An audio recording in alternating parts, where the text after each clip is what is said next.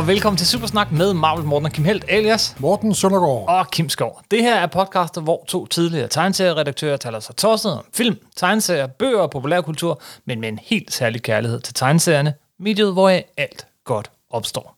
Og i dag skal det handle om De horrible tegneserier for 50'erne. Eller rettere sagt, Easy-tegneserierne. skræk og gys og gro. Og krig og choksuspense og humor. Yes! Simpelthen. Og Nej, censur og øh, død og ødelæggelse. ja, det, det kommer i slutningen af podcasten. Det gør det. Vi skal snakke om EC Comics, eller Entertaining Comics. Eller Education, som det jo hed først. Oprindeligt hed det Educational Comics. Og EC er jo et forlag, der i tegneseriefans øjne har en meget, meget stor klang. Fordi der er jo de to store forlag, vi altid snakker om, Marvel og DC. Og dem snakker vi næsten om hver gang. Ja, og de uh, lever stadigvæk og udgiver en masse, og laver en masse gode ting og en masse dårlige ting. Men EC, der, især de blade, de udgav fra 50 til omkring 55, det er en så utrolig myte, og sådan en utrolig eksplosion af kreativitet, og har så stor betydning for tegneseriehistorien efter det er simpelthen. Ikke? Yes! tegnerne og den måde, de fortalte historier på, den måde, de lavede forsider på. Hver eneste gang, en superhelt laver en horror-lignende historie, så der er altid en af de utallige forsider udgivet, der er en kopi på EC-historien. De, og kendte tegnere og fortællermåder, og De er, det, det er en del af tegneseriekulturens det DNA, der ja, bliver men, skabt og der. i ekstrem grad. De har smittet af på øh, Stan Lee. De har smittet af på øh, Stephen King. De har smittet af på Steven Spielberg. På Robert Crump, På Robert Crump han var i en den grad. kæmpe EC-fan. Så, så, så det er altså det er virkelig nogle betydningsbærende, øh, nogle virkelig, virkelig vigtige tegneserier her i tegneseriehistorisk perspektiv. Men de er også bare mega flotte. og så er der en sjov historie bag, og det er ligesom den, vi prøver at Det er genfortælle her i dag. Og den sjove historie starter jo faktisk med helt tilbage til faren, til sønnen. Det, her er faktisk en af de der historier, der begynder før Adam og Eva. Fordi den starter rigtig nok med Maxwell Gaines, som, øh, som øh, er en af pionererne, øh, når det kommer til tegneserier. Han er, Er faktisk nu- med til at lave det, der efter at sige, altså for nogen, det er altid svært, men kaldes for den første tegneserie. Ikke den første superhelte-tegneserie, men den første tegneserie er han med til at lave. Altså, Max Gain var jo ansat, var blevet ansat som sådan en produktionschef, skråstreg, PR-chef, idémand, Ja. i sådan et farvetrykkeri i starten af altså 30'erne. Ja, Og de jo, der var jo krise og prøvede på at overleve, og han skulle finde alle mulige mærkelige måder, som folketoriet kunne få noget arbejde på. Og en af deres idéer, det var en, kan vi kalde det en prototegneserie, som hed Funniest on Parade. Det var fordi, at han havde set, da han søndag ry- ryddede op på sit loft, så var der en masse af de her søndagsviser, og de havde alle sammen søndagstillæg. Hvor kom uh, Dick Tracy og Prince Valiant og andre, og en masse humorserier, især mm-hmm. humorserier. Sådan spændings- og adventure-serier var først noget, der kom sådan i starten af 30'erne og op i 40'erne. Men især humorserier dominerede med de her utrolig flotte farvetillæg. Yes. Og så tænkte han på, at det var da mærkeligt, hvorfor er der ikke nogen, der har samlet dem? Sådan. Så foreslog han sit trykkeri, at vi kan lave sådan et tillæg, som vi kan tilbyde folk, de kan putte med i deres produkter, så det kan være en slags reklame for produktet og lokke folk ind. Så genoptryk af visstriber i... Øh, Der bliver sådan en slags indpakning til et pro- produkt, så man kan så folk bliver interesseret i produktet simpelthen. yes. Og så men, en dag... Men, og men så det er tegneseriehæfte. Ja, simpelthen, og så nogle af de her hætter, simpelthen, hvorfor putter jeg nogle 10 cents prismærker på, mm-hmm. og smider på, på den lokale kiosk, siger overleveringen. Ja, det, det, Hvad der er foregået i virkeligheden, det må guderne vide. Men så må så meget er, at de der forsøgssalgstegneserier, de forsvandt som duk for solen. Og en ny en industri var, var født. Og det var jo først humorserier, der trak i optryk af alle mulige serier, der har været i 0'erne og 10'erne og 20'erne og 30'erne. Så kunne de jo også producere nye ting til. Så kom der jo superhelte til der, havde, der var Max Gaines også sådan... Han var, havde fingrene helt nede i øh, så dejen, må man sige. Han havde det for, eller han var redaktør på det forlag der på det tidspunkt, der hed All American Comics, som jo så blev en DC. Øh, Der var en blevet smeltet sammen DC. med øh, et andet forlag, og sammen blev det til sidst til, til DC. Så øh, begyndte han at lave educational comics. Det var ligesom det, han ville, det var det, han gjorde, og, og det er virkelig, altså den her historie, den her historie, den kommer til at handle om gys og gro og ødelæggelse, og vi får også fortalt nogle fede historier om lidt her i, her i podcasten. Men det Men det hele begynder med, Belærende, gode amerikanske historier, om amerikansk historie, om bibelhistorie, Om videnskab. om videnskab. Især bibelfortællinger. Ja, ja, simpelthen. Altså opdragende tegneserier, uddannende tegneserier. Når det hedder Education, så mener han virkelig en opdragende tegneserie, tror jeg. Yes. Og øh, så så meget med, så også da de kunne mærke, at superheltebølgen var ved at ebbe ud, efter krigen var sluttet der i 46-47, mm. øh, så solgte han hele muligheden, og fik en, efter datidens forhold en pæn portion penge for den. Og så lige efter det, så startede han sit eget børneforlag op. Det er sådan, det var, ja. ja. Simpelthen. Og der kom jo nogle øh, børneserier helt ned til 4, 5, 6 år. Og så kom der også nogle humorserier og så videre. Så er der så en meget sjov lille detalje. At en af de serier, der hedder Fat and Slap, Ja. øh, tegnet af en mand, der hedder Whelan. Hvis du kigger på de tegneserier, der kom der i øh, for 44, 45, 46, 47, så vil jeg sige, hvorfor har Robert Crumb tegnet de serier? det er simpelthen derfra, at Robert, øh, Robert Crumb har sit tegneseriemæssige DNA, simpelthen. Alright. Det er fuldstændig utroligt. Og hvis nu I lige får at tage Robert Crumb færdig, han er jo en af øh, tegneseriehistoriens største kunstnere og kreative genier, og især kendt for undergrundsserie. Men det første serie, han nogensinde ud, udgav, det var fuldstændig en planket kopi af EC Comics, simpelthen. Yes. Og jeg har så et gammelt billede af dem, vi kan putte på i vores artikel, hvor han sammen med nogle af sine venner i 62-61 sidder og læser EC-tegneserier, simpelthen. Det kan vi komme på. Der er en artikel med til podcasten, den kan man finde inde på nummer 9.dk. Der er også vores øh, søsterpodcast, øh, Rakam, som lige har lavet et timelang podcast om netop, øh, netop øh, øh, hvad hedder det? Øh, Robert, Robert, Robert, Robert Crumb, Crumb. simpelthen. Øhm, så. Nej, men altså, øh, Gaines begyndte at lave nogle sådan pæne tegneserier. Men så skete der ikke mindre end, øh, han kom ud for en bådulykke. Han døde. Han simpelthen døde en bådulykke. forfærdelig bådulykke. Simpelthen, det var oppe i deres sommerhus. Lake Placid, tror jeg, tror jeg, det var. Ja, Og nu for det ændrede tegneseriehistorien.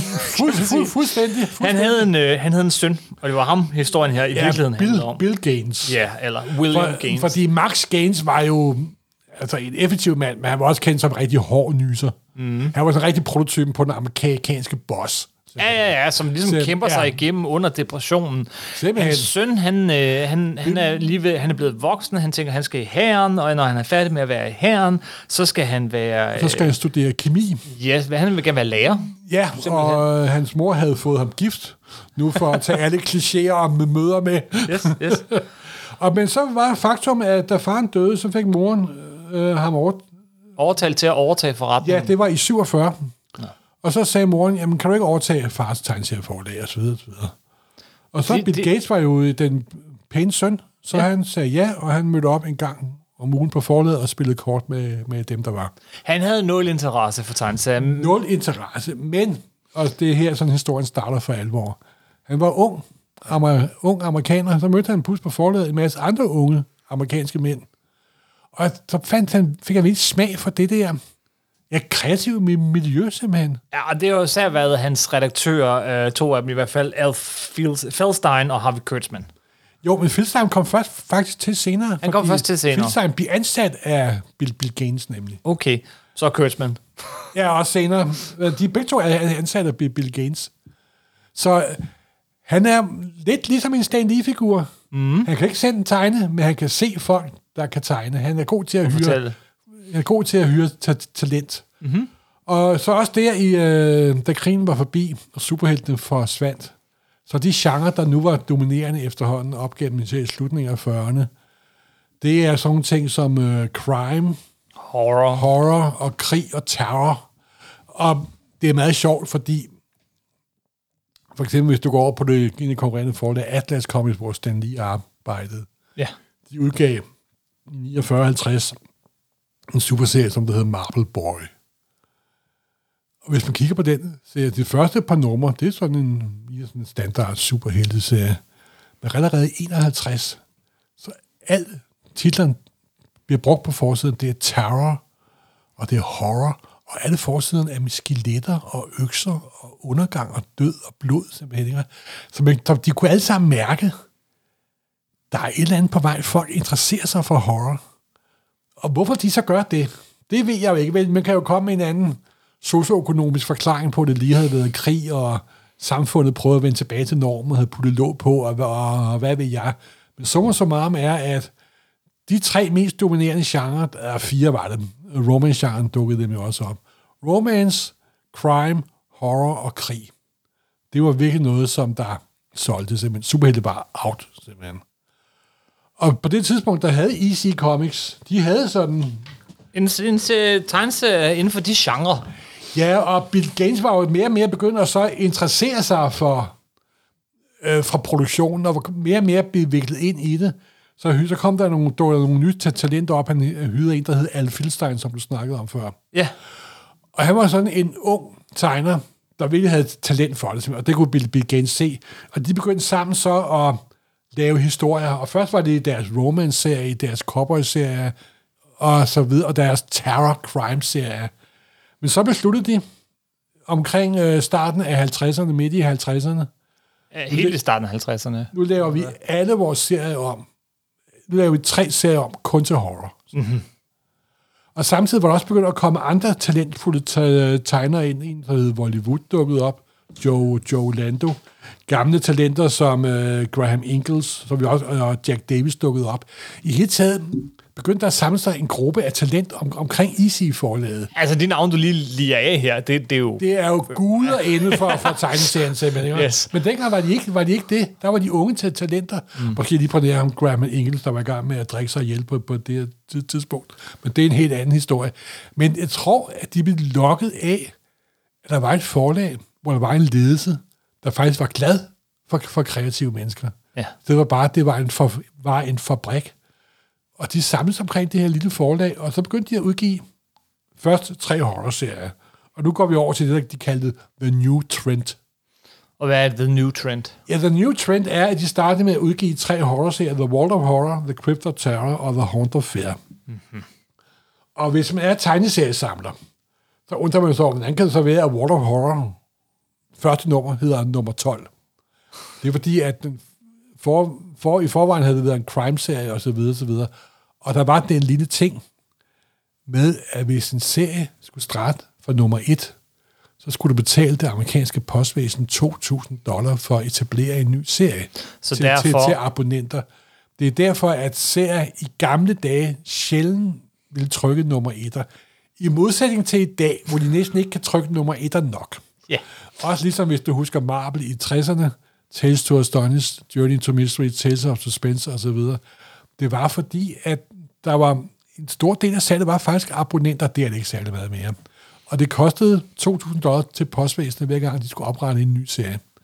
Så de lavede nogle serier om, og de startede med at lave tre serier om, der blev til World of Horror, Crypt of Terror og Hot Affair. Og hvad var der specielt ved, ved, ved dem? Det var, at de alle tre var horror-serier.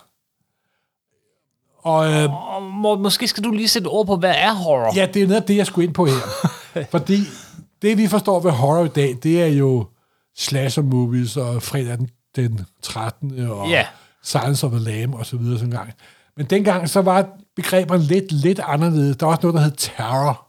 Ja, og terror og horror er ikke det samme. Nej. Og altså, de kaldte jo de tre serier. Og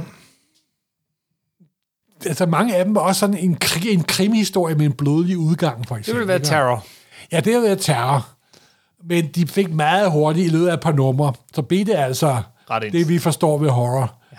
Med øh, mumier og opløste lig. Og i, især i nogle af serierne, men også sådan øh, hverdagshændelser, hvor det hele totalt løber af sporet. Uh-huh. Nogle en kommer til at køre ind over, og bliver livet bliver delt i fem dele. Et baseballhold, der hævner sig på deres træner og spiller bold med ham på banen om natten og bruger hjertet som bold og så videre. Så videre, så videre. Men alle de historier, der var sådan en 3-4 historier i, i, i hver hæfte. Og de brugte alle sammen den mekanisme, der hed O. Henry-slutningen. Yes. Sådan, hver historie var på en 5, 6, 7, 7 sider, med sådan en bid i enden, en moralsk bid i enden. Det skal dog lige siges, ja, små historier på 6-7 sider, ja, der var saftsus med også meget tekst. Det er nemlig det, fordi at den måde, de lavede historierne på, da Philstein og Gaines startede op der i 50'erne, Ja, den er faktisk lidt sjov, den måde, de lavede dem på. De, og de, det var direkte modsat af det, som vi forstår ved den Marvel-metoden for 60'erne. yes. De satte sig ned og skrev historien direkte på artworket. Så de, de, de, de, ja, eller de, de lavede måske endda firkanter og skrev tekst på, på papiret, og så kunne man tegne mellem teksten. Jamen, de to, det originale artwork og tekstet direkte på Ja, det, ja. og hvad der var plads til, kunne tegnerne få lov til at fylde, fylde ud. og Filstein var jo en forfatter, der ikke fattede sig i korthed. Nej, det Der kan var man ikke også sige. nogle andre forfattere på, men det var primært Filstein og Bill Gaines, som der skrev, skrev det hele, især Filstein. Og der var enormt meget tekst. Men det var tidens stil. Og så fik de jo det her stjernerække af talentfulde tegnere til at fylde ud historien. Og så var det også det, efter et par måneder, så fandt de jo godt nok ud af, at det, der solgte allermest, det var jo mere horrible historierne var. Med O. Henry-slutninger, Med O. Henry slutning. som er... som er, jo Henry var en kendt forfatter for øh, 10'erne, 0'erne og 10'erne, og han var begyndt at skrive historie i en ret sent, sent alder, faktisk, under et pseudonym, som det hed O. Henry. Han startede faktisk med at skrive historie, da han sad i fængsel for bankbedrageri, simpelthen. Det vidste jeg ikke. nej, nej, Okay. men, men det var sådan små moralske historier, for eksempel historien om det her fattige ægtepar, hvor konens stolthed er hendes lange røde hår, og mandens stolthed er hans flotte ur. Og de kæmper for at få hverdagen til at hænge sammen, men så bliver det jo jul. Ja. Og jul, så skal man gøre noget godt for dem, man elsker højst af alt. Så hun beslutter at ofre sit lange røde hår og klippe det af og sælge det, så manden kan få en ny urrem. Og han beslutter, at han vil sælge uret, så han kan købe en kam til sin kone, der er det hår værdigt. Ja. Og så juleaften pakker de jo gaverne op. Det er... Og en barsk historie med en bid i slutningen simpelthen. Yes. Og det var en rigtig uhendig slutning. Hvis noget, som... Ja, er det det? Men øh, er det ikke mere, at, at du hører kun den ene side af den historie, og så til sidst så finder du ud af, at modparten har gjort det samme? Ja, nu, er jeg, Som du fortæller nu, nu, nu må jeg jo ærligt indrømme, at jeg har kun set Hollywood-filmudgave af den. Og det var en det, parallel fra... det, jeg vil kalde en, en, en O. Henry-slutning, er jo netop, at, at, at øh, du har parret der, og den ene har uret, og den anden har håret, øh, og, og han offrer sit ur for hende, Ja. blot for at finde ud af på juleaften, Ja. at hun har klippet sit hår af. Altså, Ja. Så det er også den der twist-ending, Jamen, det er en twist twist ændring. hvor måden du fortalte den, så var det jo, det, det var en forventet slutning. Nå, okay, nej, okay, ja, det har jeg selvfølgelig ret. Jamen, det beklager jeg meget, Kim. Men det er, som du siger, en lille chok, en lille bid i enden. En, så var en lille moralsk historie. Ja, En lidt- moralsk lidt bitter. På, på pointe. Men også en bittersød ende, eller også hvis det er, handler om sådan en rigmand, og så går der ham frygtelig galt til sidst. Ja.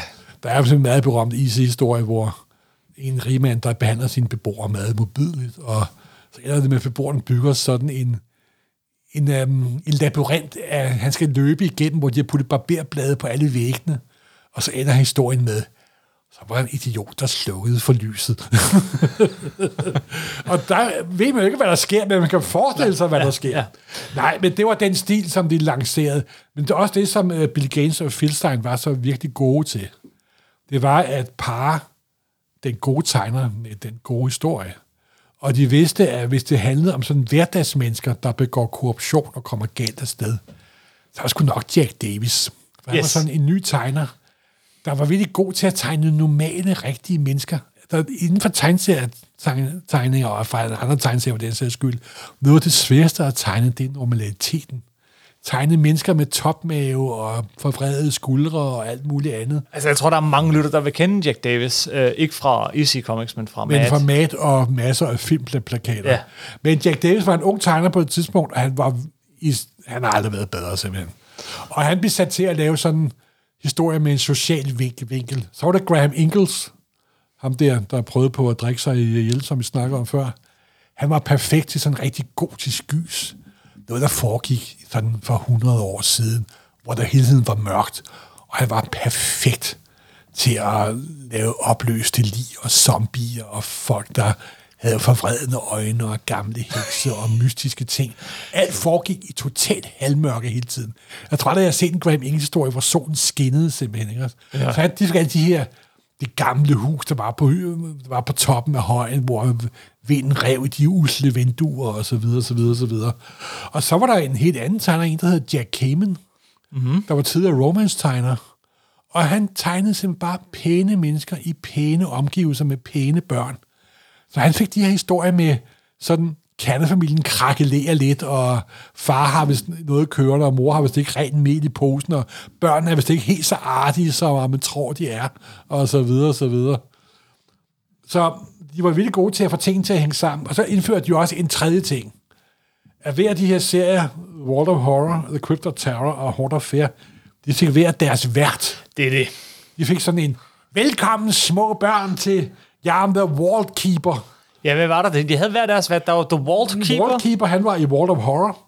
Og Crypt of, The Crypt Keeper var i Crypt of Terror. Og The Old Witch, hun havde The Haunt of Fear. Og The Old Witch, hvis man kender sin Macbeth, så har hun garanteret efterladt to søstre på den skotske hede. Det har det er jeg ja. ret sikker på. Det her med at åbne bogen med, med sådan en rammefortælling med, ja. Ja. nu skal jeg fortælle dig en historie. Det var noget, der... Fortsat, det, det er jo noget, så mange har kopieret og, og brugt Det er jo, og og jeg, jeg vil og- heller ikke sige, at jeg vil bestemt ikke påstå, at det var øh, filter af Bill Gates, der fandt på det. Ej, det- det det stammer heller helt ikke. tilbage til, at man sidder ved bålet og hører ulvene hyle, Yes. mens man bider på sit ben, men lige har, øh, med byldet, man lige har jaget. Det er så urgammelt som fortælling. Det er Homer, der møder op til en fest og synger Yes, øh, yes, yes. Iliaden simpelthen. Ikke? Men det her med, at de har de faste værter og sådan noget, altså den samme vært hver gang og sådan noget, det, det, det, det tænker jeg da på, som, som altså nu er det fedt med ikke og fedt klam, eller hvad de Ja, hedder, og sådan ja, noget, ja. altså som, som en, en fast del Nå, af det altså- her. Og så, øh, så en anden ting ved det, som også, fordi nu har du nævnt flere ting, der adskiller EC Comics fra andre ting, det er tegnerne, niveauet af tegnere, ja. Ja. som bare var Skyhøjt. skyhøjt. Skyhøjt. Og, og de er virkelig kreative. Altså, alt er selvfølgelig ikke lige vellykket, men, men virkelig smarte, små, korte altså, historier med twist endings og Henry slutninger. Ja. Øh, og så værterne, men så vil jeg også, der er, en, der er en anden ting, der er en fjerde ting, som er måden, de taler til læseren. Humoren og den ironiske distance er Ja. ja. også. Jeg kan slet ikke forestille mig en, en, en Stan Lee, velkommen, true believer og skøre ting og alt sådan noget måde. Øh, Den måde, han snakker til, til, til læseren på, uden de her EC Comics. Jeg kan sådan set heller ikke forestille mig uh, ham i brevkasserne, helt uden EC Comics, fordi det er hele den der måde at tale til Det er da 100% læserskaren og på. læseren. Det, det opstår her. Altså, Det er simpelthen, der, det, er også fordi, det er også et ungt forlag. Det er Bill Gaines, der er en ung amerikaner. Ja. ikke? Der er optaget af, hvad der sker i tiden, og han bliver også fascineret. Han begynder at læse bunker af science fiction, bunker af, af trivial litteratur, og elsker det simpelthen også. Og begynder at blive fascineret af de tegner. Og kan Jo, se, jo, jo, han læser det på lektion. Simpelthen, ikke? Han læser på lektion. Han sætter sig ind i det, og han bliver glad for det. Ikke? Ja.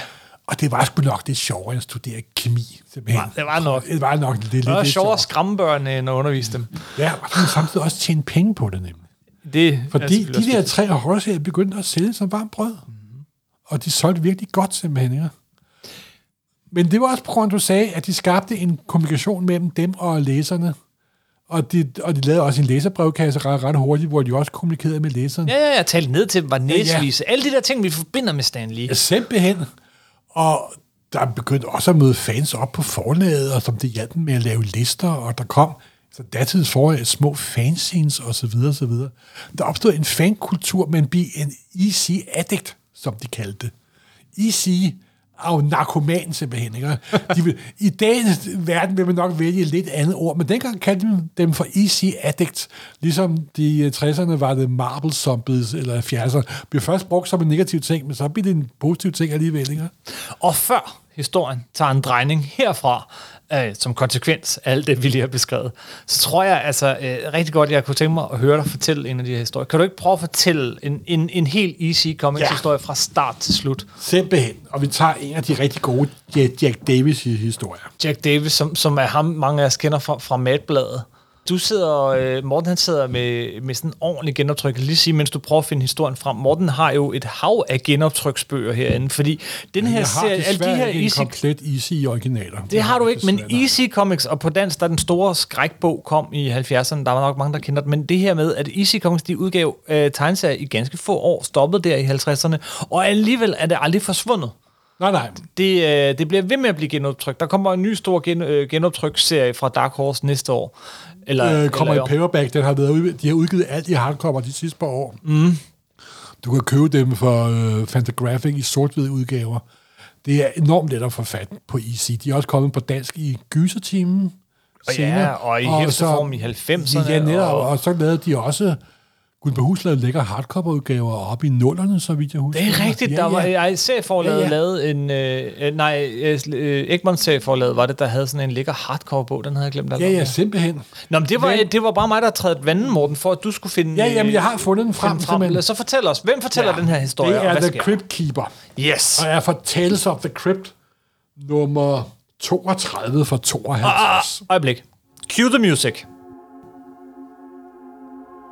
Ja, der er jo en lille by. Det er under krigen, og der er et kødration, kødrationering. Og pludselig er byens slagter blevet byens mest populære mand. Mm. Jamen, goddag, herr Grizzle. Nå, er det rart at se dig, Zack. Kom endelig indenfor, kære kunder. Og historien hedder It ain't the meat, the humanity. It ain't the meat, it's Så the et, et humanity. pun på It ain't the heat, the humidity. Mm-hmm. Det kan jo oversættes til Køden har en tanke. Synes jeg selv er en lidt, er en lidt fix ja, oversættelse, ja, kom hvis, jeg gamle. selv, hvis jeg selv skal sige det. Der kom den gamle oversætter op i dig. Nej, men og han er jo en alværdig og dygtig og pålidelig mand, der holder sig til loven. Ja da. Beklager, fru, der er kun de varer, jeg har. Jamen, hvad skal jeg gøre? Sådan er det for alle. Der er de varer, jeg har. De har deres resoneringsmærker. Så kan de få det kød, som deres resoneringsmærker giver lov til. Mm. Ja, men kan jeg ikke få? Nej, det kan jeg ikke. Nå, ja, ja. Begynder de at viske. Ja, det er jo godt nok, han overholder loven, men jeg kunne godt tænke mig en god lammekold lidt en gang. Og så kommer der sådan en et suspekt type ind, og det er jo Jack Davis, der tegner den, og det er derfor, de har valgt ham til denne her historie. Han kan jo tegne hverdagsmennesker, ikke også? Han er ser god til at tegne korrupte hverdagsmennesker, ikke også? Ja, det er han Han virkelig. er svedig type, Med lidt cigar. af, af halvfed og ja. slet og så selvfølgelig cigar? Ja, ja, ja. Du, øh, med mig og mine venner, vi vil godt betale lidt ekstra for at få noget af det gode, gode kød. Det kan der ikke være tale om. Det kan der ikke være tale om. Ah, tænk nu lidt over det. Jeg kommer tilbage igen. Vi har jo alle sammen brug for en lille hø, hø, ekstra indtægt, ikke også? Og der er ikke nogen, der lægger mærke til det, om folk kan kende forskel på godt og dårligt kød. Det klarer du. Og så er der sådan et klip til... Han sidder derhjemme, slagteren og familien, sådan ved, ved middagsbordet, og hans unge kone. Han er nemlig lidt, øh, lidt yngre end uh, mand han er. Kan du så spise op, siger hun til deres knægt. Åh, jeg ved ikke. Jo, du skal spise op. Så jeg, "Tr- 30 dollar per pund. Ja, ja, ja. Kan du se så, at han begynder at, at Altså, tænke. øh, ja, faren han sidder og tænker imens. Og så næste dag, så kommer der en kunde i slankerbutikken. Jamen, hvor er alt kød? Jamen, beklager, det er desværre udsolgt, og jeg kan jo kun sælge det, jeg får. Jamen, hvad, hvad skal jeg gøre? Jeg har fået tre til middag. Jamen, så må de jo nøjes med. Jeg har jo nogle udmærkede, øh, sådan lidt, øh, sådan lidt bryst, eller ikke lidt bryst, en lille smule hjerte og muskel. Det smager også meget godt, fru. Nå, ja, så ser man ham lyssky billede, kun silhuet. Men, Og, ham, og han har stadigvæk cigaren i munden og penge i hånden. Og en pakke skifter. Han sælger kødet ja, ved bagdøren. Under, under bordet. Ja, Og hvor, tommelfingeren- hvor slagter sælger det til Ja, ham, lyssky. så han er måske ikke helt så moralsk, som man selv ja, går og tror. Det er penge, du. Penge korrumperer. Og så øh, kommer der jo gang i salget, og han sidder der og tænker, og man kan se, der kommer igen et familiebillede, hvor skal du spise op? Ja, jeg ved ikke, det smager ikke ordentligt. Ja, nu skal du spise op. Og jeg tænker, ah, måske skulle jeg prøve at skaffe kød et andet sted fra. Kunne jo prøve at... Hvad med hestekød? Så kan jo ikke se forskel, hvis man siger, at det er okser og hestekød. Og lige pludselig, så buner butikken. Der er kød til alle. Hvor får de det fra? Jamen, jeg gør mig bare umage med min leverandør, fru. Og jeg har en herligt stykke kød her til dem, og frisk. Og så inde bagved, så... Ja, ja, hesten har kun været død en dag, en, en dag eller to, når han snakker med sin nye kødforhandler. Som ikke ser øh, sådan super veltøjneret ud. Lad mig sige på den måde. De her fluer, der kredser omkring ham, giver en vis idé om, hvordan Ja, det ja. hygiejniske niveau er. Men, shh, ikke noget til mine rigtige kunder. Og ham med cigaren er der en gang til. Her er dobbelt betaling. Det var rigtig godt kød. Og jeg har flere venner, der vil betale endnu mere. Hvis du for kan skaffe det, mere. For de gode stykker. Og så er der så et klip til sådan hverdagen i den lille by. Der kommer der det gamle postbud. Og han er selvfølgelig ligesom fantastiske 80 pop, pop postbud. Ældre hvidhåret herre med briller, som alle amerikanske postbud er. Og så kigger han sådan en af dem, han deler post ud til. Ah, de ser ikke så gode ud, fru Jonsson. Ja, men jeg har også måske ikke spist noget, jeg kunne tåle. Jeg har sådan lidt dårligt. Jamen, det er nok bare... så er der klip til konen, hvor ham, der leverer hans øh, friske hestekød, kommer og banker på. Øh, er manden hjemme? Jeg har noget nyt til ham. Øh, jeg ved ikke, hvad du, hvad du snakker om. Og så er fluerne følger med, simpelthen. Fantastisk øh, tegnet af Jack Davis. Så konen, hun er falder af foregår der. Så hun går hen i sin mands slagterforretning efter lukketid, og hun opdager, hvad der foregår i baglokalet. Og der er en pakke, der skifter hånd, og penge, der skifter hænder. Så hun fatter mistanke. Du er sortbørshandler. Du er sortbørshandler. Og så kom, "Men hvorfor gør du det? Det gør alle de andre også, og vi må sørge for os selv. Vi er os selv nærmest, og alle retfærdiggørelserne for at blive småkriminel og tjene penge vælter frem i småborgeren, og det er perfekt tegnet af Jack Davis. Ja, men altså ansigtsudtryk Og og, og gestik og mimik, det... Og, og det er sjovt, fordi også som den gode tegnestegner, så forsvinder baggrunden. Ja. Der er kun enkelt, det er kun grundfarve. Også et, shit, som, et, et trick, som Haché brugte, når han fortalte det. Jack Davis er en mand, der kan sine tegneserier simpelthen. Ikke? Mm-hmm. Og så igen klip. Nu har han begyndt, så får han sådan en kone sat lidt på plads. Nu, nu holder vi tungen lige i mund og tjener en masse penge. Og så næste dag, hvor han skal åbne forretningen, så kommer en af hans kunder. Har I ikke hørt det? Forfærdeligt, der er en giftmorder i byen. Åh, Giftmorder? nå, En giftmorder. Der er tre, der er døde. Åh, åh, åh. Jamen, det er forfærdeligt. Hvad skal, jamen, så, så sælger han noget af hestekødet til hende. Og så tænker jeg lige, at jamen, jeg havde lige tjekket den giftmorder med. Så lukker han forretningen, så lidt tidligere han plejer. Kommer seriffen gående forbi. Nå, du er nok også bange for giftmorderen, hva'? Må hellere se at komme hjem og gemme dig. Nå, nå. Og så kommer han hjem til konen. Hvor den der pakke, jeg havde, som jeg skulle give videre? Hvad har du brugt den til? Hvem spørger om det? Hvem hvad- spørger det, det, det, det spørger han konen, når han kommer hjem. Jamen, øh, det, det, kød, mener du? Øh, Det har jeg da brugt. Brugt til hvad? Til den aftensmad, jeg serverede for, for, for, for lille Johnny. Lille John. Så kommer lille Johnny. Mor, mor, jeg har så ondt i... Og så falder lille Johnny død om på, på, på gulvet. Ja. Og så bliver konen meget ophidset. Så får hun glasagtige øjne og tager en stor kniv frem. Går frem mod ham. Jamen skat, det er jo... Det er jo... Og så næste dag, så er det ikke manden, men konen, der åbner slagterbutikken. Og der er frisk kød på alle hylder. Der ligger en arm, og der ligger et ben. Der ligger et øje, der ligger en hjerne, der ligger en hånd. Og så siger hun, frisk kød til alle, frisk kød til alle, med sine blanke, blanke øjne. The end. Se, det er en sand easy-historie, Yes. børn. Og det er en typisk easy historie. er Og- en typisk easy-historie. Yes. Og tro det eller være, de solgte som varmt brød, simpelthen. det, det tror jeg da gerne. Øhm, ja, fordi de gik all the way. Altså, øh, det, det, var bare, det var bare lige et Altså, der var kvalitet. jo på det tidspunkt en masse andre horrorhistorier, skrækhistorier, terrorhistorier. Mm-hmm. Men det var så om, at EC-forfatterne, Bill Gates, Philstein og deres stab af unge kreative tegnere, de havde lige været fat i noget mere end kun horror.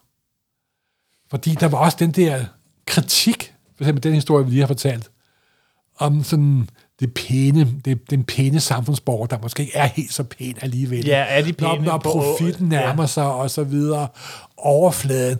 Og hvis der var noget 50'ernes amerikan, Amerika var karakteriseret for, så var der jo, der jo lagt låg på, ikke? Mm-hmm. Det var den pæne tidsalder, kernefamilien var i top. Folk var smukke, pæne og opførte sig ordentligt, og de var frem for alt hvide. Alle sammen var hvide. Men det var ikke kun de tre, øh, men Bill Gates, øh, så ikke Bill Gates, Bill Gates, det var et par år før Bill Gates stod op.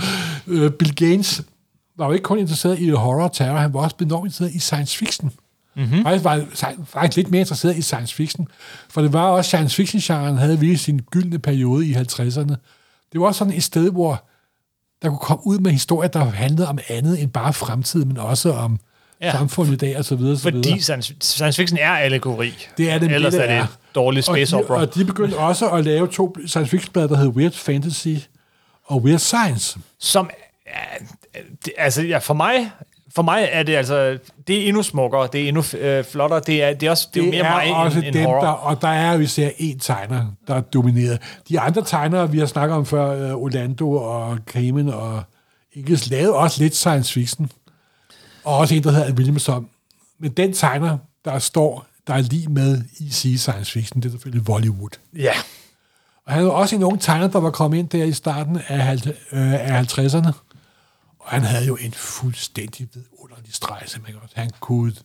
Han tegnede kun smukke mennesker, simpelthen. Ja, og- Mændene og- var super muskuløse, og alle kvinder lignede Hollywood-filmstjerner. Nå jo, men hans rumskib. Og så kunne han tegne teknik, så Yes. det fuldstændig basket. Yes, yes, yes. Og det var med, med masser af ledninger og kabler og runde ting, der viste Men, ud. og- og- ja, og- men og, også og, rum, kurver og, og- rum, og koger og rumdragte med de her store fiske øh, hjelme på, og så videre, Yes, så videre. yes, yes. Kort sagt, alt, hvad du forstår med 50'er science fiction. Det fandt man Og her. forsiden, og det er det, og den klichéen lever den dag i dag. Hvis du har set Aliens-filmene, de der Möbius-designede rumdragter, de har direkte Bollywood-DNA i sig simpelthen. Ikke? Mm-hmm. Ved Gud, send den rumdragt, som, uh, som Neil Armstrong havde på, da han satte jord, foden på månen med ja, Apollo 11. ja. Ja. En stor gylden hjelm. Tro mig, der er sgu også noget Bollywood-DNA. Det er, det, er, det, er der, det er der altså. Fordi det er en effektiv rumdragt, der holder Neil, Neil Adams i live, eller slår ikke Neil Adams, Neil Armstrong, Neil Armstrong i live. Okay, jeg blev lige forvirret et øjeblik. Ja, Adams er den første amerikaner på månen. Det, det kan godt være, han tror det. Nej, undskyld. Han har mange underlige teorier om, hvordan jorden er opstået, men så galt er han jo heller ikke. Nej, men, øh, men de har også nok haft en lille smule i baghovedet, at vi også skal sælge månerejsen. simpelthen. Så Hollywoods gennemslagskraft er fuldstændig fantastisk. Mm-hmm. Og det skete især på de to serier, der hedder Weird Science og Weird Fantasy. Mm-hmm. Og så gjorde de jo også en ting, fordi på det tidspunkt, der var der gået på år, Horrorserien solgte virkelig godt. Men så var det jo sjovt med Bill Gaines, i modsætning til sin far, Max Gaines. Max Gaines havde set, hvilken serie sælger, hvilken serie sælger ikke. Gaines så kun på bundlinjen. Forlaget tjener penge. Ja, kan vi godt udgive Weird Science og Weird Fantasy, for dem tjente de ikke særlig mange penge på.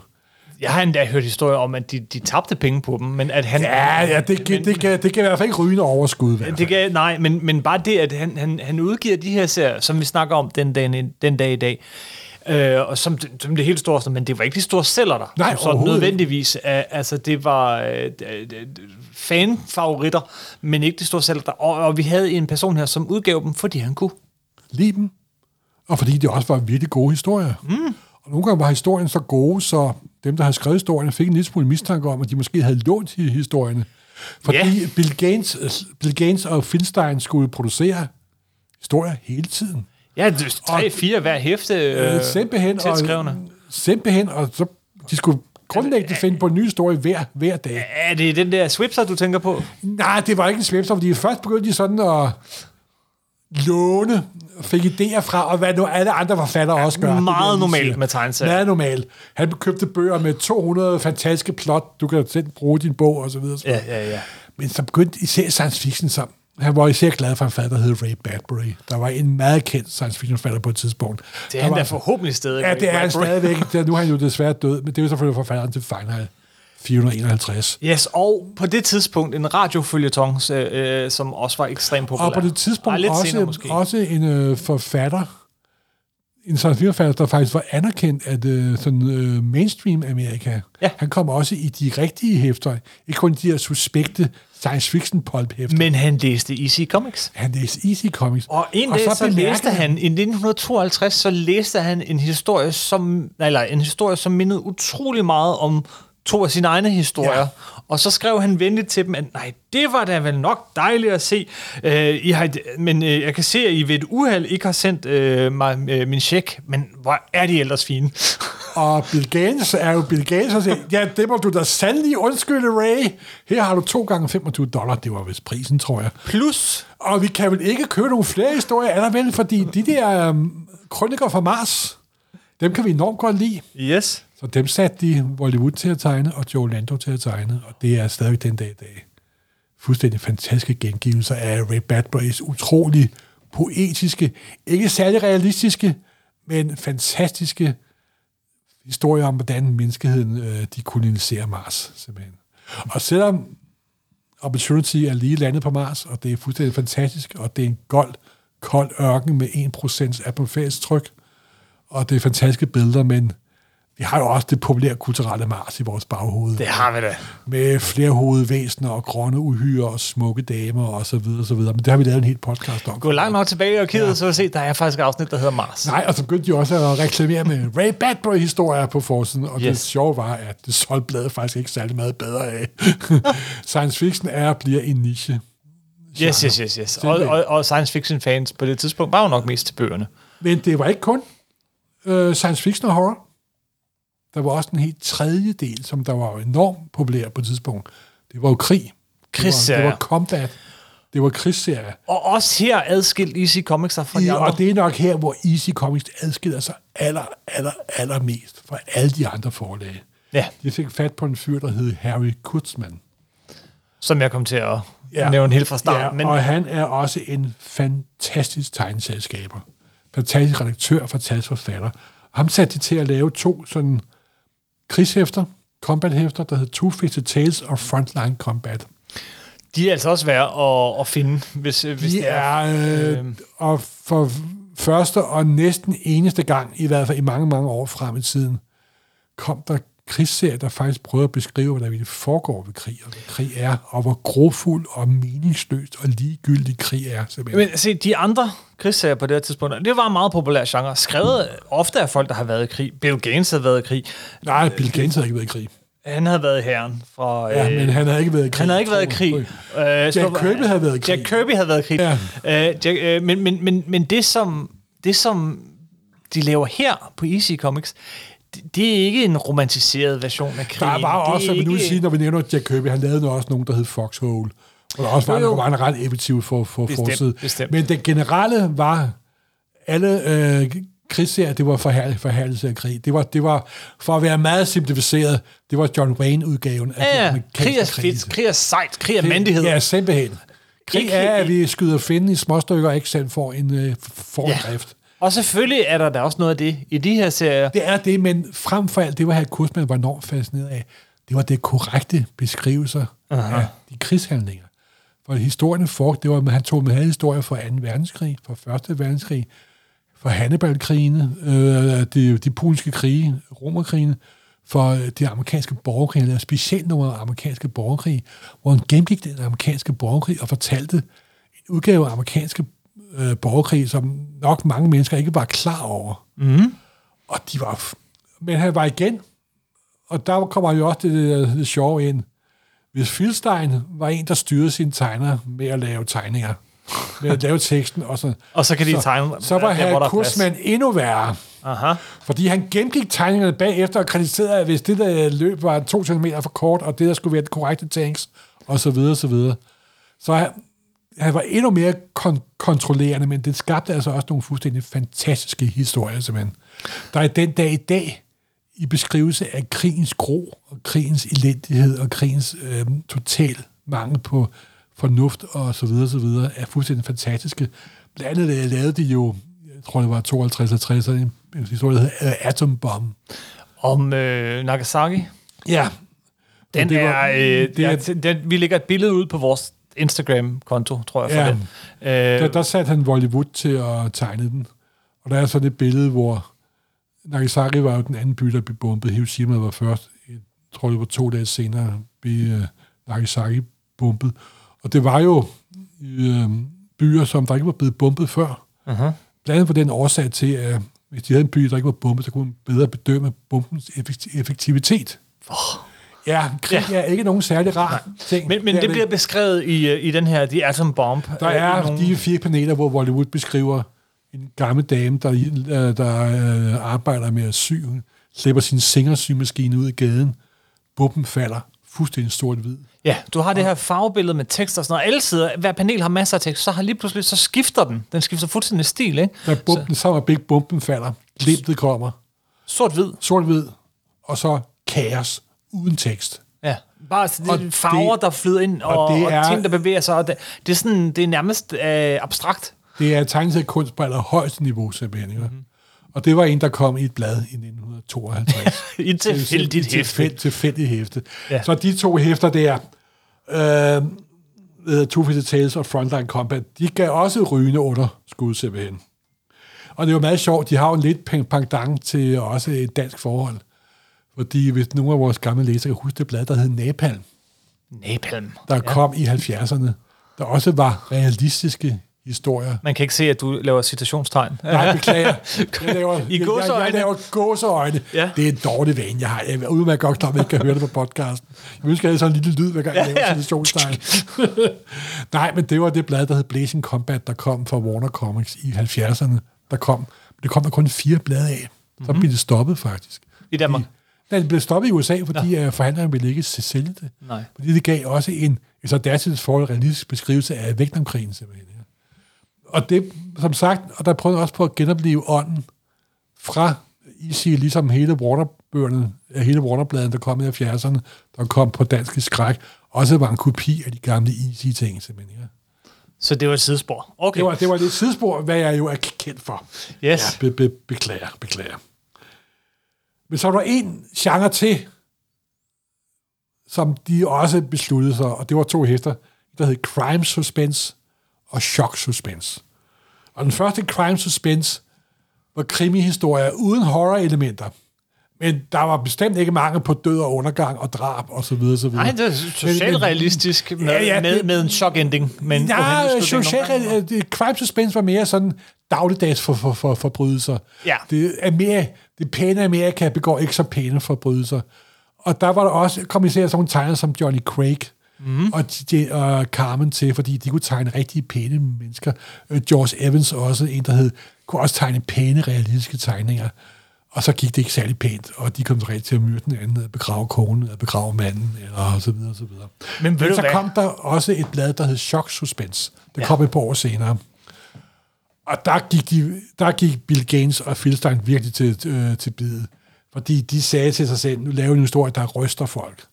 Og begyndte de at fortælle historier omkring racisme, misforstået patriotisme, korruption i politiet, voldtægtsforbrydelser, alt muligt andet. Det var virkelig råt for usød, og de var helt fantastiske simpelthen.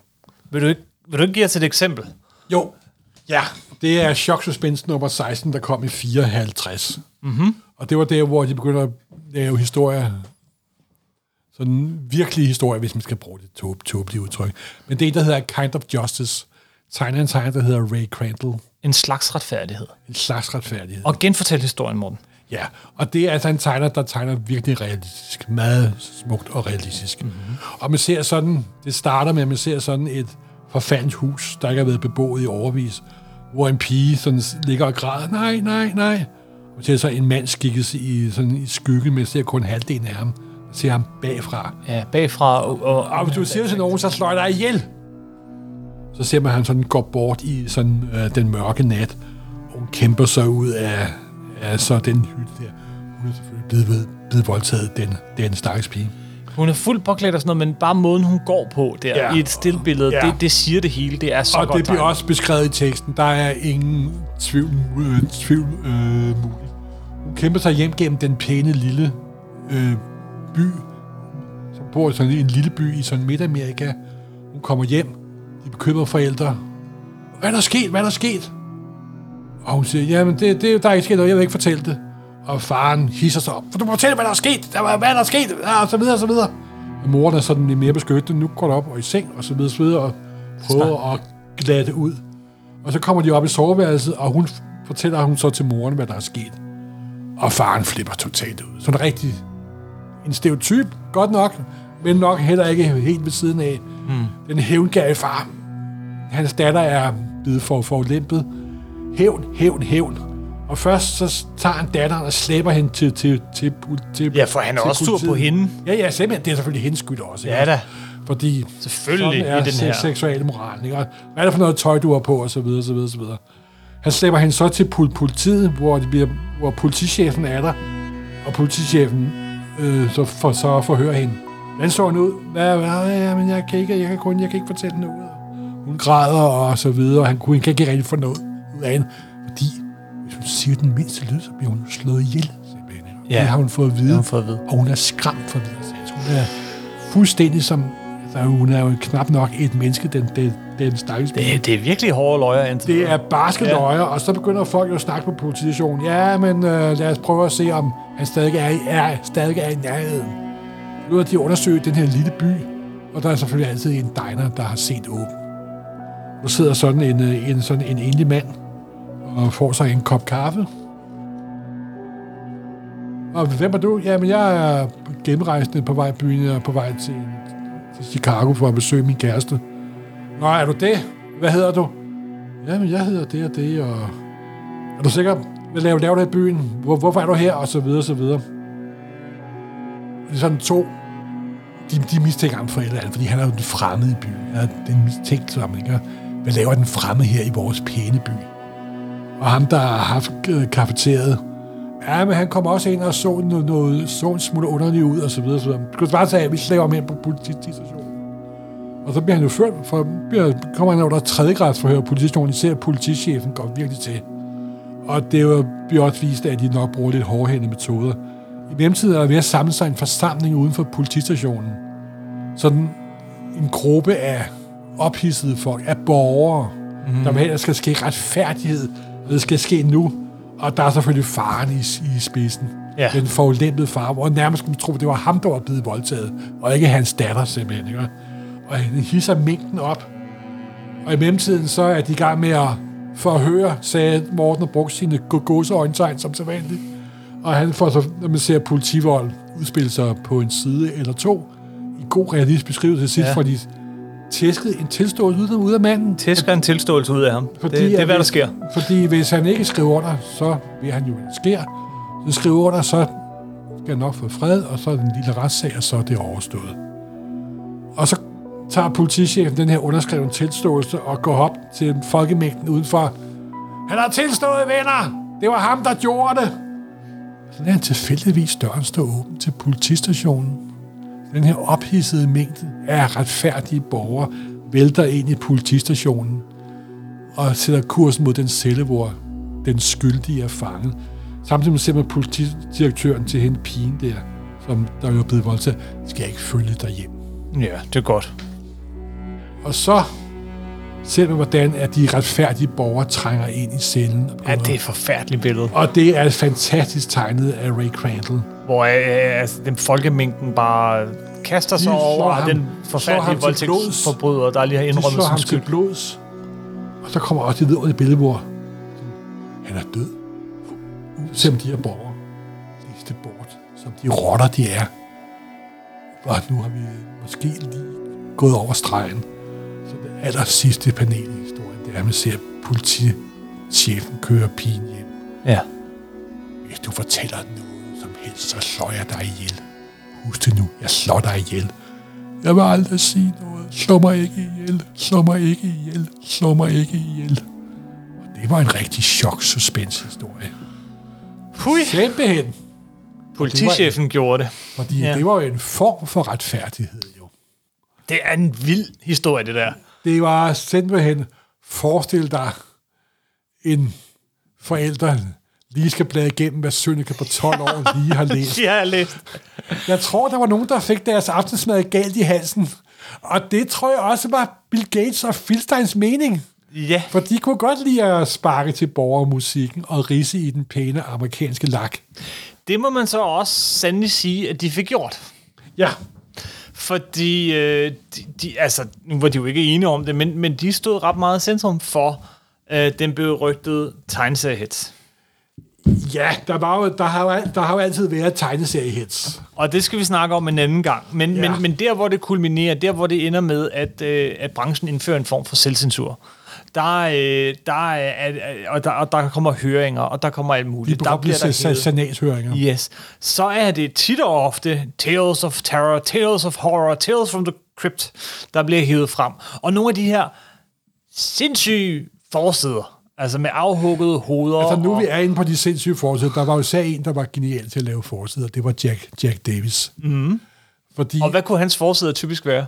Det var typisk for en mand, der fik, hugget hovedet af guillotinen og stod og holdt hovedet oppe, eller en øksemorder, der var i gang med at be- begå øksemordet, som man så, at øksen trængte midt ind i Ja, hjernen. midt igennem, halvvejs. Eller en, som der opdagede, at, at mumien bag ved ham, hvis det ikke helt var helt død nu, eller en, der var kommet til at springe ned i en sø og opdagede, at der var tre rådne lige på vej op, og Altså, jeg kan ikke beskrive Jack Altså, Daniels forside. fantastiske billeder og fantastiske... Google, Google Easy Covers. Ja, bare roligt. Der kommer til at ligge masser på vores Instagram-side, men, men også bare det perfekte skyt for en, der gerne vil, øh, vil, vil, vil, vil altså, lukke for tegneserierne. En, som, som, som tror, at Og tegneserier... der var jo især en bog, der havde givet genklang i det amerikanske borgerskab. I det amerikanske sam- samfund. Jamen, jeg synes ikke, vi skal gå vildt meget dybden her i Men dag. det var Seduction of med, med, med tegneseriehitsen, ja. øh, andet end at sige, at den kommer vi til at snakke om en anden gang, Ja. og, og rigtig i dybden, med, med masser af eksempler og alt sådan noget, men, men, men hvis vores historie her i dag er historien om EC Comics, Ja. så er det også historien om, at, at den her hubris, som de har, det, det leder altså til, det føder direkte ind til den her øh, øh, krav om censur af tegneserier, som så ender med en Ikke- selvcensur. Det er det, der Så- er selvcensur, som- fordi selvcensur er det værste af alle former for censur. Så branchen laver en form for selvcensur, der hedder Comics Code. Men mærkeligt nok, Ja, mærkeligt nok. mærkeligt nok, de regler, der er beskrevet ned, det var så om, de havde et specielt forlag i tankerne. Ja, for der var nogle sjove regler, ikke? Altså, Ja. udover at, øh, ting, du ikke måtte øh, vise afhuggede hoveder og blod og øh, narkotika og, og, og, og våben og alt den slags på forsiden. Så, så, siger, må- narkotika, vil jeg lige komme nu i, ind i min berømte sidespring. Nej, ikke nu. okay, Jamen, jeg så- vil sige, de lavede også en meget berømt historie om en narkoman, der, der, var, der havde en kold, kold tyrker, Monkey on the Back, det hedder ja. på amerikansk. Ja. Og den var beskrev også, hvordan det var at være narkoman, og begå forbrydelser, når man har en kold tyrker og ikke kan tænke, simpelthen, og hvordan hele det her system fungerer. Det var også i chok suspense. Undskyld sidespring. Men der, Comics Code, den her øh, brancheorganisations egen selvcen, øh, selvcensurmyndighed, øh, som, som Gaines så også tager del i til at starte med, øh, den opstår, jamen så har de nemlig nogle regler om, hvad blade må hedde og ikke må hedde. Og mærkeligt nok, Ja, hvad er det så, bladet ikke må hedde eller Noget med indeholde? terror De, og noget terror med- må ikke være i titlen. fair, Fear må ikke være titlen. nej, Crime og, må og ikke være weird titlen. må heller ikke være der. Weird må ikke være der. Fantasy må vist heller ikke være der, tror jeg. Basically, hvis, hvis, titlen, hvis ordet indgår i en titel på et EC Comics blad, så, så må man ikke. Og så var der også den her hits, Ja. der var kørt over, over, over, over landet, og i avisartikler, og på tv, og i skoler, og så videre, og så videre. Der var, og det var faktisk korrekt, bålafbrændinger af blade, tegneserieblade, og der kan hver tegneseriefan jo få sig et lille mini nervesambrud ved at se de bunker af easy-blade, der bliver brændt af, men det er en helt anden historie. Ja, og dem vil du jo gerne have haft i dag. Ja, simpelthen. Men, men der var også det, at nu tæller vi 54 her. 1954. Ja. Og der var sket to ting med EC Comics. ja. Et, de havde også startet på at lave et humorblad. Som Yes. vi også, vi skal måske snakke så med, men det var selvfølgelig det bladberømte Mad. Ja. Og Så, det var især, hvor det var Harry Kursman, der var redaktør. Mhm. Mm-hmm. Og det var begyndt at sælge endnu vildere og endnu mere populært. ja, og det, bliver, deres andre det, det undgår den her Comics Code, fordi at det ikke er en tegneserie på papiret. Nej, det er et magasin. Nej, det er kun efter 24 numre. De første 24 numre er tegneseriehæfter. Ja, og så trækker de den ud som Ja, magasin, så det de kan først- slippe for censuren. Det var det, da de slap på censuren, fordi... Men der var der også sket en lidt anden ting. Og det er måske også det, det der gør myten rigtig stor. Mm. Man kan også godt mærke på Bill Gaines og Phil Stein og alle de andre kreative mennesker, at nu havde de altså kørt for fuld hammer i fire år. Og virkelig revisioneret tegneserien. Den måde, man tegner på, den måde, man fortæller på. Og motoren var måske også ved at køre en lille smule tør, kan man sige. Så nu ikke for på nogen måde at stille deres ting i øh, under, altså at sige, det er dårligt laver, men Comics Code kom sgu også måske sådan rent historiemæssigt på et lidt heldigt tidspunkt. Nå, sådan så vi husker dem som noget særligt. De nåede aldrig at jæbe ud. Forestil dig, hvis Marvel var blevet lukket i 1968 af en eller anden økonomisk ja, omstændighed, ja. ja, så havde myten jo været, i hvert- i hvert fald blandt fans, det er en god- 10.000 gange større. Det, det, er da en, det er da en tese, Morten. Så, så derfor så står den altså nu som, som en, øh, en, en ja, sådan en lille øh, diamant, en, en slippen diamant. en slitten oase af kreativitet og den Ja. gyldne alder, der aldrig vender tilbage. Ikke også? Ja, Og det er selvfølgelig en sandhed, der har en stor del af sandheden, men jeg tror ikke, det er hele sandheden. Mm. Men som sagt, Comics Code kom, og de prøvede jo i starten, for at lave de om til nogle nye type blade. Det her, der havde været med horror og science fiction og shock suspense, kaldte de for The New Trend. Så lavede de noget, der hed The New, The New Direction. The New Direction. ja. Hvor der kom en ny række blade med Comics Code på. Som var sådan lidt mere realistiske. Der var et, der hed øh, MD, Der var et, der hed Psychoanalyze. Ja. Der var et, der hed Ace High, der handlede om flykamp. Øh, Meget lækkert tegnet af George Evans, der ser var spe- specielt i at tegne fly. Så var der det, der hed Valor, mm. som der jo ser Hollywood brillerede med nogle fantastiske historier. Det handlede om ridder og krig, især som middelalderkrig og slåskampe og så videre. Men ikke de der blodige udpenslinger, som der havde været derinde. Det var ikke nær så realistisk. Og der kom der især et blad, der hed Impact. Yes. Og især der var der i nummer et, Impact nummer, nummer et, var der en fantastisk tegner og en fantastisk historie. Og det er Bernie Kriegstein og den historie, der hedder Master Race. Og det er jo en af tegneseriehistoriens aller mest unikke og mest fantastiske historier nogensinde. Og, Bill, og Bernie Quickstein var en tegner, der virkelig brugte tegneseriemediet til det ypperste simpelthen. Og hvis du havde taget Master Race i dag og vist det til en, en menneske, der ikke vidste, at den var fra 54-55, så ville det godt have været en graphic novel, der var lavet i går, simpelthen. Jamen, øh, jeg kender den godt, øh, og den er, det, er det ikke også øh, Comics and Sequential Art of Will Eisner, den bliver fremhævet, og den bliver fremhævet hver Ja, eneste det- gang, hver eneste gang, man skal fremhæve, hvad er det, tegneserien kan, så bliver ja. den fremhævet. Og, hvor, Og det- hvorfor? Det er fordi, den fortæller. Den fortæller på et helt andet niveau, end man, man ellers har set. Og altså, man skulle næsten gøre det tekst. Der er nok mange af vores lytter, der måske ikke har læst den, tror jeg faktisk. Man skulle faktisk gøre den fortjeneste at finde den frem. Den er blandt andet i den store skrækbog. Der er også masser af andre steder. Jeg tror selvfølgelig også, den findes på nettet. Den er kun på en 7 sider. Mm. Den hedder Master Race og Bernie Kriegstein. Og hvis jeg skulle sige, hvad er de 10 vigtigste tegnehistorier, amerikansk tegneserie nogensinde har produceret, så kom den med på listen. Det er et? Men du bliver nødt til at sige, hvorfor? fordi den måde, den fortæller på, og det, det handler også om en, der har været i koncentrationslejre, og hvordan det er, hele jødeforfølgelsen virker, og den foregår nede i den øh, New Yorkske undergrund, mm. og beskriver også, hvor der er sådan en chokslutning, og også den, den, den sidste sekvens, den sidste side, der ser man sådan en fuldstændig fortalt som, det er en filmisk fortælling, uden tekst og noget som helst. Men det er ikke film, det er ikke en film, som er klippet i stykker, det er tegneserie. Det, det er nemlig Tegnet, tegneserie er Det er allerbedst. der, hvor den gør, hvad kun tegneserie kan, Ja, simpelthen. øh, med timing. Og, og det er en fantastisk øh, hi, historie. Og den er tegnet, den, altså som sagt, den er, den er, den er tidløs simpelthen. Også? Yes. Og det var Impact nummer et. Der kom, øh, og der var også nogle andre gode, gode historier. Der kom den der hele new trend, som de kaldte det. Der kom kun øh, 5-6 hæfter hver, de solgte slet ikke, og de måtte alle sammen, lø- og alle sammen lukke. Og så som du selv sagde, så gik øh, Easy over til at producere Mad som magasin. Mm-hmm. Så de kom ud om Comics Code, og der startede en helt anden historie, vi også skal fortælle en dag, om Mad Comics og den fremtid for amerikansk humor og satire op gennem 60'erne og 70'erne. Men, men, men, øh, men EC som begreb var færdig. Det var det. Men de sluttede, må man sige, ikke helt dumt. Jeg, skal, jeg vil lige ret først, du sagde, at de udkom under Comics Code. Det gjorde de faktisk ikke til at starte med. Gaines han var meget imod, og de første hæfter, Ja, ja, de kom ikke under Comics Code med, med, med, med stempel på. Nå, Øh, men, Comics han- Code men, kom men derfor blev de i- ikke... Derfor, Kom først i 54. Nej, i, i start, ja, ja, men i 54, så kommer det her blad, og, og, og, og, og der er ikke nogen, der gider at sætte dem på hylderne, fordi de ikke har det her. Så han går med på at sætte Comics Code på, Ja. og så, så kører serien videre. Men hans sidste hæfte har han faktisk nogle kampe med, øh, med censurmyndighederne med. Nogle, nogle ret sjove kampe. Ja, fordi øh, der var øh, Weird Science og Weird Fantasy var blevet smækket sammen til Weird Science Fantasy. Ja. Men måtte jo ikke bruge ordet fantasy og weird. Og prøv Så de kaldte det for Incredible Science Fiction. Ja.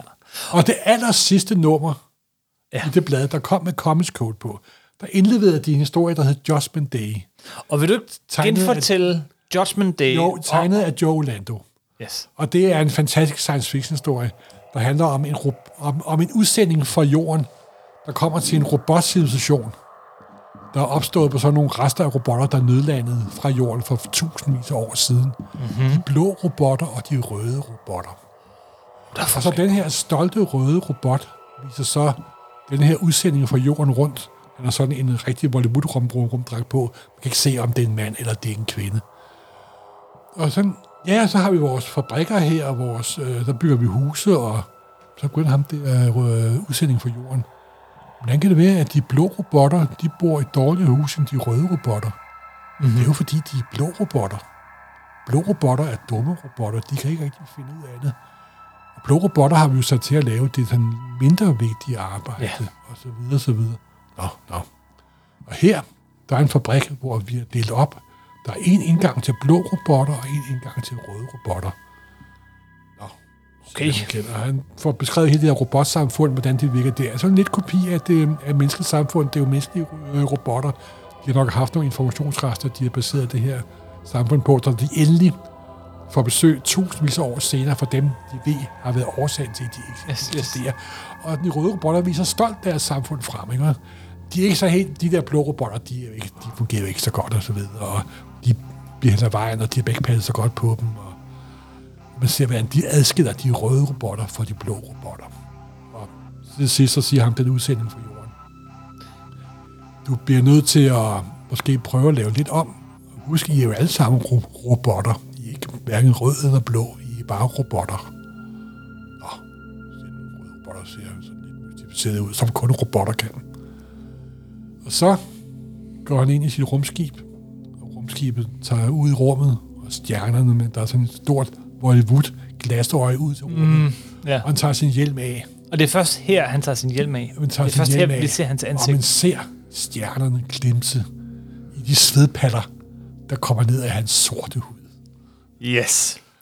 Og da Bill Gates sendte den historie ind til Comics Code, så var der jo et eller andet i vejen med den. Der var noget, som var lidt svært at forklare. Men hvad- de ville jo ikke rigtig ud af, hvad de synes, der var i vejen med den. Nej, fordi der var jo ikke noget blod, eller noget vold, Nej, eller nogle nej. stoffer. Så eller... fandt de ud af, at det var nok fordi, at han svedte. Nej, du, jamen, faktisk, først så får han at vide, det, det er så i første omgang, øh, så får han at vide, øh, eller, deres, der, hans folk får at vide, at øh, den kan altså ikke slutte på en sort mand.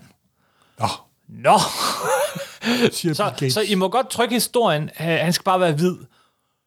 Det ødelægger lidt hele pointen med historien. Det må man sige. Det må man sige. For det først. øh, så, så, så, så, så, og det siger han så til Feldstein i første omgang. Ja. Ikke? Men, og så tager Gaines så over, og så ringer Ja. han så til Comics Code. Øh, Bill Gates nok første og eneste samtale med Comics Code. som hed, jamen, det, var, det var faktisk en dommer, der hed Murphy, dengang, ja, ja, som sad ja, derinde. ja, det var det, det jeg ikke glemt. Øh, som, øh, som så, så tager den, og så får han ellers bare den største skideballe, og din lede racist, og jeg ved ikke hvad. Og, og det her, det falder slet ikke ind over reglerne, og kan du så lige, og sådan noget. Og så, nå, ja, okay, okay, okay. Øh, det kan han jo godt sige, men, men så kan han ikke. Så kommer der sådan, efter, efter han har fået hele den der skideballer, så, så går øh, George det Murphy der, der. så, så går Murphy nemlig sådan med på den, og så sådan, sådan efter sådan en pause, okay, så okay, han kan godt være sort. Men så bliver du altså nødt til at fjerne svedperlerne. hvor, hvortil, hvortil, øh, hvortil han så får et svar, som bare er, fuck you, ligger på. Altså, man kan kun elske Bill Gates. Det kan man altså. og historien kom ud. Ja, Øh, tryk sådan her, med svedperler og sort hud og ja det hele. simpelthen. Og det var det sidste, det var Comics Code. Det var det sidste Det var nummer. det sidste nummer af Incredible Science Fiction. Yes. Og det solgte ikke af helvede, fordi der var ikke nogen, der satte ud på hylderne. Men det var sgu pengene værd, tror jeg. Yes. Og så forlod EC tegneseriebranchen og gik over til at blive udgiver af Mad. Mad Magazine, som vi jo også har talt om dengang. Og vi skal også nok lave en uh, udsendelse om Mad, synes jeg. Det har vi gjort, Morten. Har Vi har det? lavet en halv i hvert fald. Vi snakkede om Mad for lang tid siden, dengang de øh, lukkede bladet.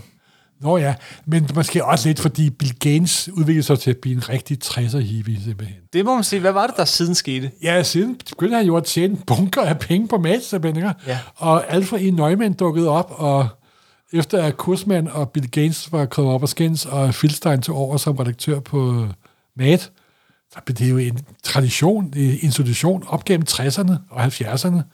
Var Mad jo et humormagasin, satiremagasin, som alle kendte, og det solgte i enorme mængder. Alle danskere kender også Mad. Det hed jo Gast før, første gang på dansk. Der var pa- parodier på film, der var Spy vs. Spy, og der var Moldorker, og Jack Davis kom også ind der, og i det hele taget, alle kender Mad simpelthen. Det var meget populært indtil... Så der Don andre. Martin og- Don, ja, gud, ja, Don Martin. Der er den mest Ja. kendte madtegner af alle. Ja. Der kommer for øjeblikket en komplet Don Martin i albumform på dansk. Ja, Og det stammer alle sammen fra Mad. Det stammer alle Ja. sammen fra Bill Gaines. ja. Og Bill Gaines er altså en, øh, en stor, glad legebarn inde i amerikansk tegneserie, simpelthen. Og der er skrevet en helt bog om hans madperiode, hvor han en øjeblik, ja, tryk, skriv på begge sider af papiret, vi skal, tingene vokser sgu ikke på træet. Der kommer hans gamle far op i ham, og det andet øjeblik, vi tager sgu til Hawaii med hele yes, banden i yes. tre uger, og alt er betalt simpelthen, ikke også? Altså, han var en mand med store armbevægelser, det må man sige. Så han var ånden bag både Easy Comics og Mad. Både det, det, det, det, det groopvækkende og alvorlige. Det groopvækkende og det alvorlige. Og det Og latterlige. kan godt være, at han ikke har været en, nær- en nem chef, men han har nok været en meget underholdende chef. Ja, og så var der de her rejser, du nævner. Øh, Ja, simpelthen. Men det er sjovt, jo, Matt har også den kant. Det altså, har den da. Det den har den nemlig da. også den der kant. Der er noget, som horror, noget science fiction og, og humor har til fælles. Altså, at det kan sige ting, uden at sige dem så direkte, og på den måde egentlig sige det stærkere. Jo, fordi Så- så, så- så, så- også, man siger også, at skændelinjen mellem en horrorhistorie og en humorhistorie, Uh, den er fin. det er altså forskel mellem en slatterfilm og en lavkage komikfilm, Ja. og en Keystone Cop fra 1918. Den er hårfin. Den er hårfin. Mm. Den måde, for eksempel nogle af Chatling-filmene, han behandler nogle af skurkene på, det er jo også det rene horror og vold simpelthen. Så det er... Med lidt andet musik, ja. Ja, ja. Og Bill Gaines kunne træde den sti perfekt, simpelthen, det må man sige.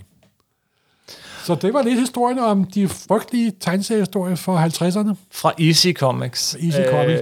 Der er en myte, der lever den dag i dag, og øh, med, god, og med god grund. Faktisk så øh, synes jeg, at vi mangler en lille ting at nævne, og det er ikke fordi, vi skal bruge lang tid på det overhovedet, men bare for at sige, altså det der med, at det lever den dag i dag, det skyldes jo, det skyldes genoptryk for folk som os. Altså ja. nørder og tegneseriefans, som har læst dem. Øh, men det skyldes også, at folk, som vi indledningsvis nævnte, som, er, som, som for eksempel, øh, hvad hedder det, Stephen King, har været store, store fans af, fan af Og så af mange serien. horrorinstruktører, John Carpenter, for, for eksempel. Og øh, ja, John Carpenter Og, og så også øh, Romeo. George R. Romero. Og det er faktisk sjovt, fordi øhm, i 1972, altså over 20, cirka 20 år efter øh, sidste blad med horrorhistorie, det lukkede. Nej, ikke engang Næsten. 20 år, 17-18 år, du. Ja, så kommer Tales from the Crypt. Ja. Øh, filmen fra 72 og World of Horror i 73, Ja. som jo er øh, altså filmversionen Det var, af øh, fedt. der er blandt andet øh, en historie med en vampyrrestaurant, hvordan det går, når man besøger den og ikke er vampyr. som, som er løftet direkte fra tegneserien. Så kom også i 82, så kom Creepshow og Creepshow 2, som øh, godt nok var det originale manuskript. Der er folk som Stephen King og Men George Stephen Romero. King men, var... Den måde, den var lavet på, der sagde Stephen King, jeg elsker også Easy, simpelthen. Jamen, toren handler blandt andet om, at nogen skal have det her Creepshow-tegneserie, som Ja, ja, ja, er for ja, ja. tydeligt. Ja, ja, men- øh, er, det her ikke? Og, og det fortsætter jo altså øh, hele Også vejen op. sjovt, du siger Creepshow. Den måde lyset og farvelægningen er i filmen. Det er også den farvelægning og lys, der var i Easy Time-serien. Ja, ja, ja. Grælde, store farveflader, simpelthen. Og man bliver budt vær, øh, velkommen af en vært øh, i 1989 i Tales from the Crypt. Ja. på HBO, øh, og, øh, og der, der kom vist også flere. Der kom der også Tales. Der kom, hvad, hvad, hvad, der kom, øh, hvad hed den? Tales from the Crypt Keeper, og Secrets of the Crypt Keepers, Haunted House, og Demon Knight, og Bordello of Blood, og Ritual, og så videre, og så videre, og så videre. Der var endda også øh, Easy's Weird Science, øh, fik også sin egen serie. Åh, oh, gud, det, det, det Øh, aldrig ah, den nogensinde kørte i 10 afsnit, og det var heller ikke lige så Og godt. så var der jo også, som, andre jeg, budgetter. som vi også jeg nævnte før, at det, der på dansk hedder øh, Gro, Ja. det var jo taget fra de amerikanske Warner-blade, der kom i 70'erne og i 80'erne. Der var sort-hvide udgaver uden Comics Code i Easy-stil, med mange, øh, også Easy-tegner og horror-historier, korte moralske historier, også andre, også med Vampirella og så videre, og så videre. Jamen, så, eller, eller, altså, så traditionen levede videre bare under andre former, kan man sige. Eller tilbage til det, vi altid snakker om, nemlig de her øh, Marvel og øh, Marvel-bladene. Hvad var det, som, som, som, som Steve Ditko og, og Stan Lee og, og, og så videre lavede af type tegneserier lige inden de startede Marvel-universet? Det var der også den her slags små, korte fortællinger. Ja, fordi det var sådan nogle skræk-monster-historier med Comics Code på, hvor de så lavede dem til science fiction-agtige historier, og den ja. måde tvang en ny renaissance for superheltene frem, som vi jo er meget begejstrede for, men det kan ikke være sket uden at EC. Nej. Simpelthen, altså EC er et meget grundlæggende DNA i forståelse af alt amerikansk tegneserie, simpelthen. Det er, ja, længe leve EC. Som levede kortvejt. Kortvej, og det er måske også, som fuld, fuld Phoenix, de flammede op og døde. Og måske er det også været godt for deres myte, at de flammede op og døde. Så, jeg synes, vi skal slutte her for i dag. Simpelthen. Øh, det var især hyggeligt at høre dig læse op. Eller Ja, ja, genfortælle. ja, jeg, jeg beklager, at den gamle linselus stikker øret, stikker hovedet frem. næste gang, eller i hvert fald snart, så øh, tager vi lige og, og fortsætter lidt af det, vi snakker om i dag, og så snakker vi om, øh, om Comics Code, Om om, Comics om Code, tegneseriecensuren. Og den kulørte debat. Yes. Skal vi sige tak for denne gang? Simpelthen. Tak for denne gang, og på genhør. Hej hej.